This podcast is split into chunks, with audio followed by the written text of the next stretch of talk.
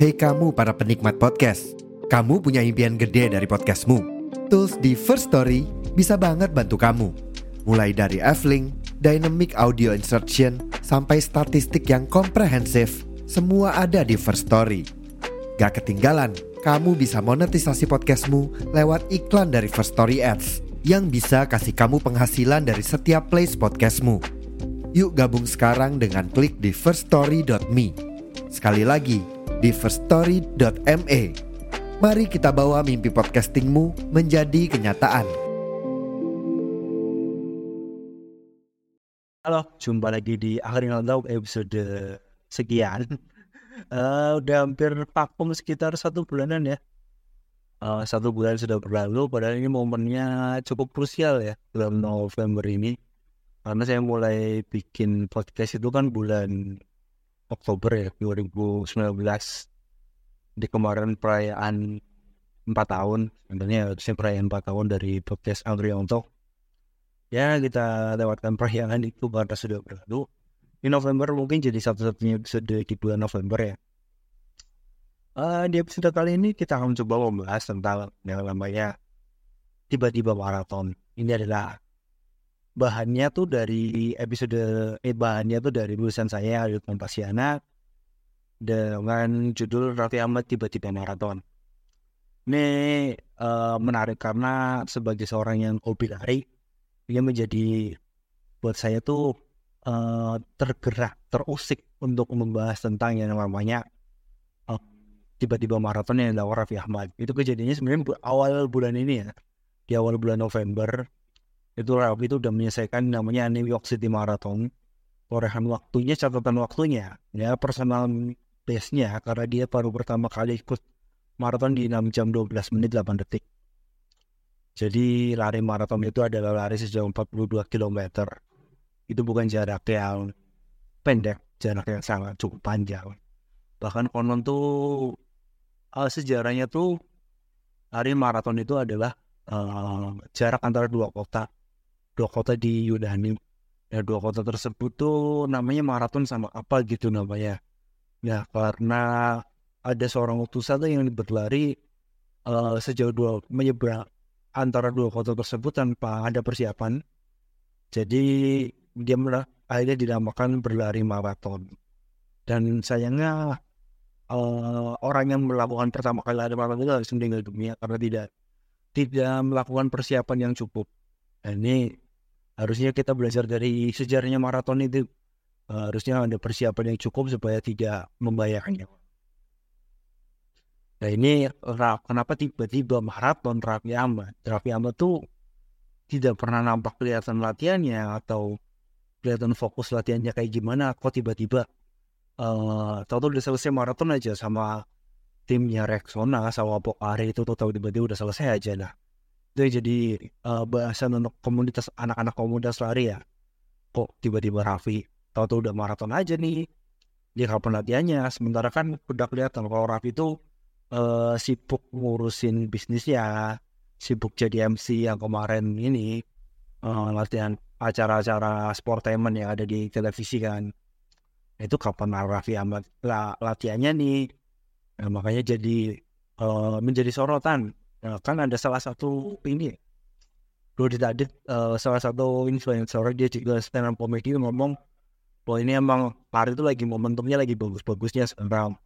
Tapi uh, jang, yang dilakukan Raffi Ahmad itu big bu uh, nggak bisa sembarangan orang tiru.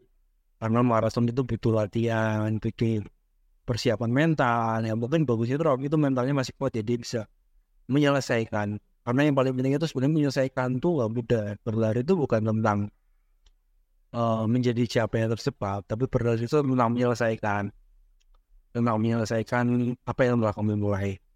Dan musuh terbesar kamu adalah diri kamu sendiri.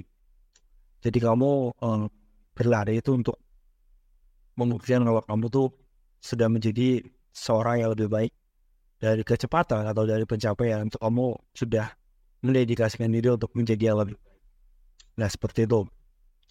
Apa yang namanya um, apa tiba-tiba maraton itu yang jadi polemik. Dan tapi emang kembali menyoroti tentang uh, budaya lari yang sekarang jadi makin masif ya. Ya artis-artis sekarang makin banyak yang suka lari. Kayak kalau Melanie Putri uh, itu kan emang sudah cukup lama ya. Jadi awal saya ikut lari itu saya juga lari pun udah lumayan lama ya dari tahun 2017 itu Melanie Putri emang salah satu pro program intensifnya untuk uh, apa uh, Pokari Marathon Pokari ini Pokari emang mau bikin program. Itu Melanie Putri gitu sekarang makin banyak juga kayak Gisel Anastasia. Gisel tuh ya udah cukup emang rajin olahraga sih tapi ada kayak untuk lari tuh baru belakangan ini. Uh, Fadil Zaidi terus ya itu Aman lagi gitu karena ya momentumnya emang lagi pasti dulu kan waktu pandemi 2000 dari 2019 akhir 2020 awal sampai 2021 2022 lah. Itu kan uh, kayaknya masih uh, event tuh masih terbatas ya 2022 lah baru mulai event tuh mulai bermunculan lagi. 2020 2021 tuh dua tahun tuh kayak uh, event tuh kayak mati suri. Hampir hampir gak ada event malah kayak. Dua tahun tuh tidak benar-benar uh, uh, tidak ada apa-apain komunitas juga nggak apa-apain ini setelah uh, pandemi udah mereda makin dan akhirnya statusnya udah jadi endemi akhirnya mulailah uh, babak baru lari dan sekarang lari jadi makin hype-nya tuh makin beda ini yang disorot itu tadi juga untuk brand itu yang mau hanya karena melihat lari jadi makin masif, mau orang-orang itu semua suka lari. Itu brand juga pilih-pilih ya, brand sembarang brand itu bisa masuk. Um, brand-brand yang mungkin ada kaitannya ya, mungkin kayak Pokari jelas kan minuman energi, minuman penggantian tubuh Pokari, Soblas itu masih masuk. Rexona juga masih masuk laut deodoran kan. Um, mencegah bau badan kan itu kan kalau hari dan bau badannya karena berkeringat kan jadi uh, bau ya badannya ya. Itu reksana masih masuk tapi kalau misal kayak rokok kan.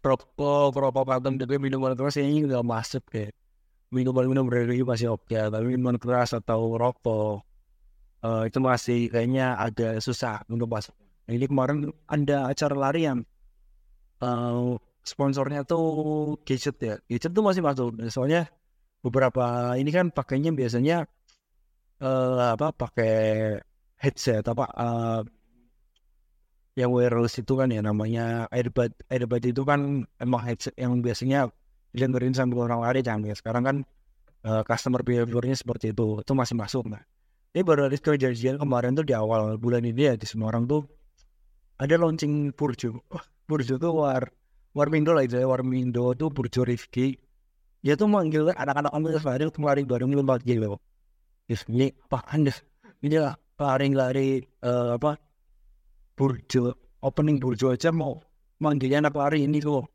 kayaknya ya, ya sebenarnya rame sih jadi rame.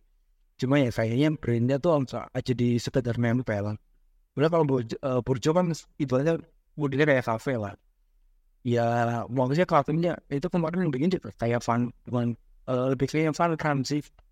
Tapi kan kayak misal uh, gimana kayak nggak sesuai jadi pada di luar menunya tuh uh, menunya tuh kan banyak nasi nasi yang banyak. Terus uh, apa Indomie Indomie rebus itu ya kurang sehat lah nah itu benar-benar kurang ya tapi hanya dapat orang sini mungkin dapat ya Uh, tapi menurut saya kurang tepat sih misal Burjo pembukaan Burjo Lonji Burjo tuh ngajakin uh, komunitas lari untuk meramaikan tuh kayak ini agaknya tuh kurang tepat deh. Tapi ya itu salah satu hype-nya yang sudah kebangun di dalam lari itu. Nah kita coba lagi ke tiba-tiba maraton. Ya sebagian sudah saya sampaikan di tadi ya dalam Ahmad.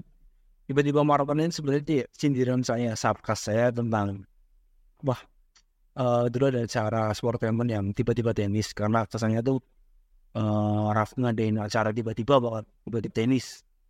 Tapi uh, itu kan bisa tiba-tiba tenis itu juga ilegal kan tiba-tiba banget ya ada persiapannya hampir sebulanan lah.